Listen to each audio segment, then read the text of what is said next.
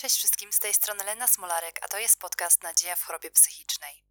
Jeżeli ktoś z Was słucha tego podcastu regularnie, na co mam ogromną nadzieję, to pewnie zauważyliście, że ciągle mówimy o zaburzeniach osobowości.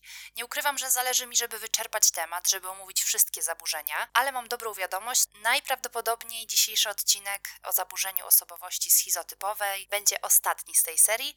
Następne odcinki będą już zupełnie inne. Powiem Wam szczerze, taka mała zapowiedź, że myślę o tym, żeby pomówić więcej o lęku, strachu, generalnie też zaburzeniach lękowych, także jeżeli Wam się podoba ten pomysł, pomysł lub macie jakiś inny, to dajcie znać na wiadomościach prywatnych na Instagramie. Przejdźmy do rzeczy.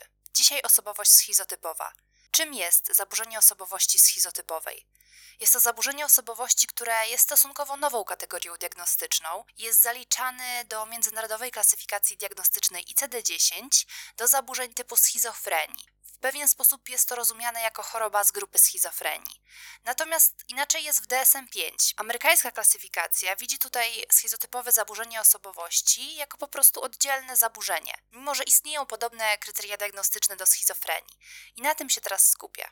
Początków osobowości schizotypowej upatruje się we wczesnej dorosłości. Przy tym zaburzeniu, zgodnie z DSM-5, występuje pewien wzorzec. Jest to wzorzec deficytów społecznych, interpersonalnych, który jest związany głównie z dyskomfortem i zmniejszoną zdolnością do bliskich związków, a także pewnymi zakłóceniami poznawczymi, percepcyjnymi, ekscentrycznością zachowania. Jest to obecne w różnych kontekstach. Żeby zdiagnozować zaburzenie osobowości schizotypowej, musi wystąpić co najmniej 5 lub więcej z poniższych następujących objawów. Po pierwsze, myśli odnoszące, z wyłączeniem urojeń odnoszących. Po drugie, dziwaczne przekonania lub magiczne myślenie, które wpływa na zachowanie i jest niezgodne z normami subkulturowymi. I tutaj mam na myśli przesądy, wiara w jasnowidzenie, telepatię lub szósty zmysł. U dzieci z kolei szczególnie widoczne są dziwaczne fantazje, nadmierne skupienie na takim wewnętrznym, magicznym świecie. Po trzecie, niezwykłe doświadczenia percepcyjne, w tym iluzje cielesne. Po czwarte, dziwaczne myślenie i mowa, na przykład niejasne, poszlakowe, metaforyczne, przesadzone lub stereotypowe. Po piąte, podejrzliwość lub paranoiczne nastawienie. Po szóste, zachowanie lub wygląd, który jest dziwny i ekscentryczny. Nie wiem, czy liczyć dalej, ale kolejne to brak bliskich przyjaciół lub powierników innych niż krewni pierwszego stopnia. Kolejne nadmierny niepokój społeczny, który nie ulega zmniejszeniu wraz z poznawaniem innych osób i ma związek raczej z objawami paranoidalnymi niż negatywną oceną samego siebie. W pewnym momencie przestałam liczyć, ale mieliśmy tutaj osiem głównych objawów. Tak jak mówiłam, jeżeli występuje pięć, to jest tutaj już duże ryzyko, że właśnie mamy do czynienia z zaburzeniem osobowości schizotypowej.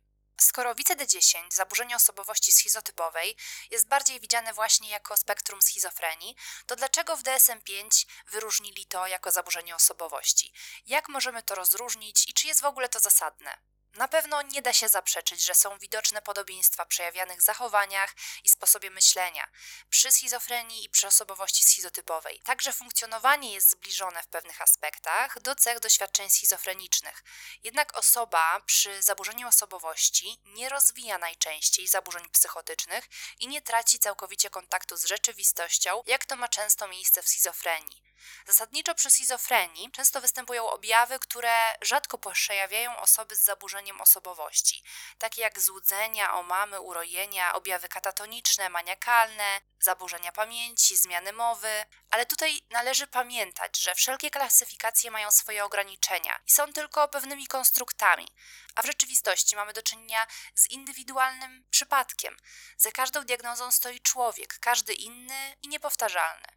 I tu należy zaznaczyć, że rzadko zaburzenia występują w takiej czystej postaci. Wszystko jest złożone, nakłada się na siebie i to jest też właśnie to, można powiedzieć, taka trudność przy diagnozowaniu. Kiedy wymieniłam objawy, które niewątpliwie występują u osób z zaburzeniem osobowości schizotypowej, być może brzmiało to trochę niezrozumiale. Chciałabym teraz się bardziej przyjrzeć, jak wygląda po prostu życie osoby z zaburzeniem, jak funkcjonuje. Ja bym odważyła się powiedzieć o pewnej dziwaczności, o takich skrajnych, nietypowych dla swojego kręgu kulturowego przekonaniach, myślach, motywacjach, które najczęściej nie mają charakteru urojeniowego. Osoby takie wierzą w okultyzm, mają takie magiczne myślenie. Kolejna rzecz, która może występować, to jest ekscentryczność w zachowaniu, mowie, ubiorze, sposobie życia. Takie osoby mogą używać dziwnych sformułowań, porównań, niezrozumiałych dla reszty, ubierać się w taki sposób, który niesamowicie wyróżnia ich. Niestety osoby z zaburzeniem często prowadzą samotne życie. Występuje niepewność i lęk w różnych kontaktach z innymi. Czasami zdaje się, że te osoby z zaburzeniem nie potrzebują ludzi, unikają ich, nie mają do nich zaufania. To, co też utrudnia relacje, to paranoidalne nastawienie osób z zaburzeniem. Mają takie przekonanie, że inni na przykład wciąż rozmawiają na ich temat, wygłaszają na pewno jakieś negatywne sądy, obserwują ich, oceniają ciągle. I nie da się im w żaden sposób wytłumaczyć, że tak nie jest, że nie mają powodów do tego rodzaju podejrzeń. Zdarza się też, że osoby z zaburzeniem osobowości schizotypowej charakteryzują się pewnym ubóstwem emocjonalnym, trudnością w prawidłowym wyrażaniu emocji.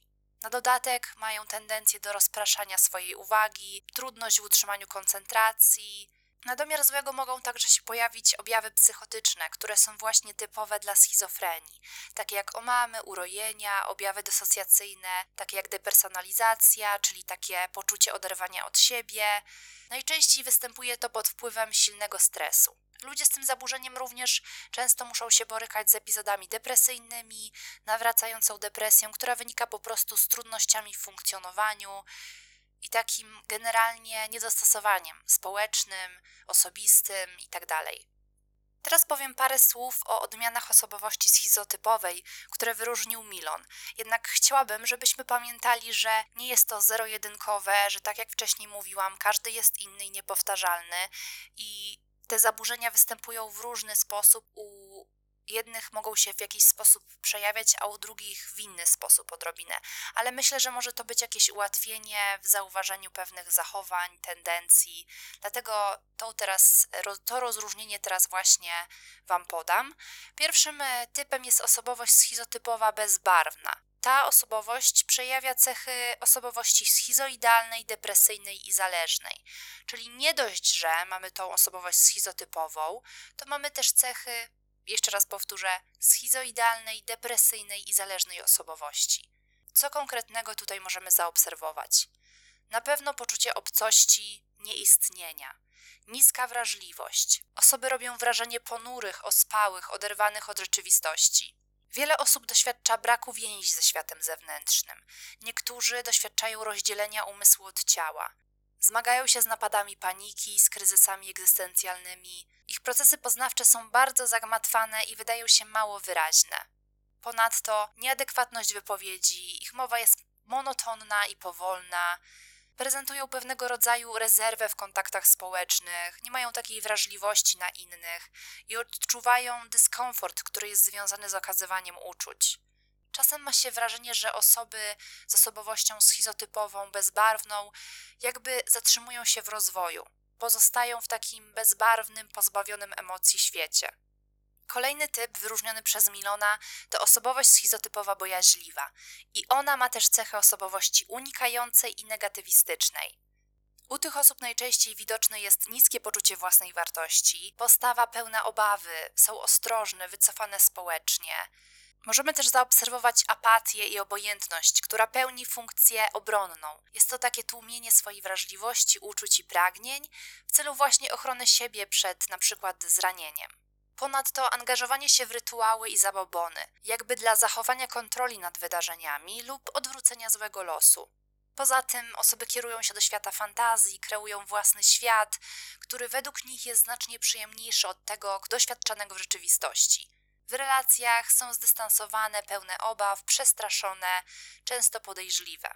Następną kwestią są przyczyny zaburzenia osobowości schizotypowej. Badacze, chcąc to zrozumieć, wyróżnili trzy czynniki, które mogą mieć największy wpływ na powstanie zaburzenia.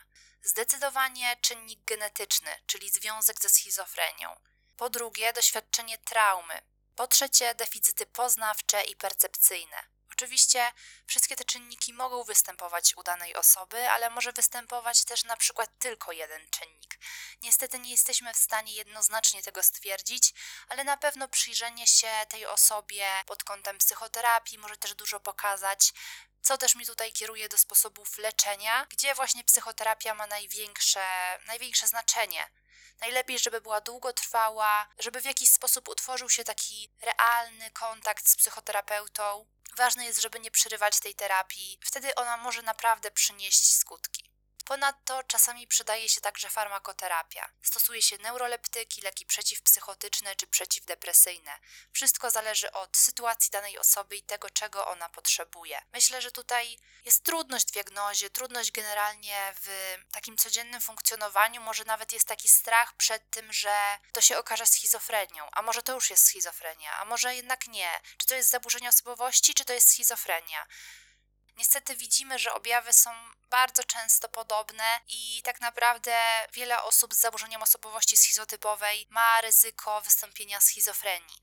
Także należy naprawdę tutaj uważnie podchodzić do tematu, diagnozować się, być pod opieką psychiatry, psychoterapeuty i myślę, że nawet jeżeli to wszystko brzmi tak bardzo może pesymistycznie, to myślę, że nie warto tracić nadziei i rzeczywiście działać. Nawet drobna poprawa może być ułatwieniem w funkcjonowaniu na przykład w rodzinie takiej osoby.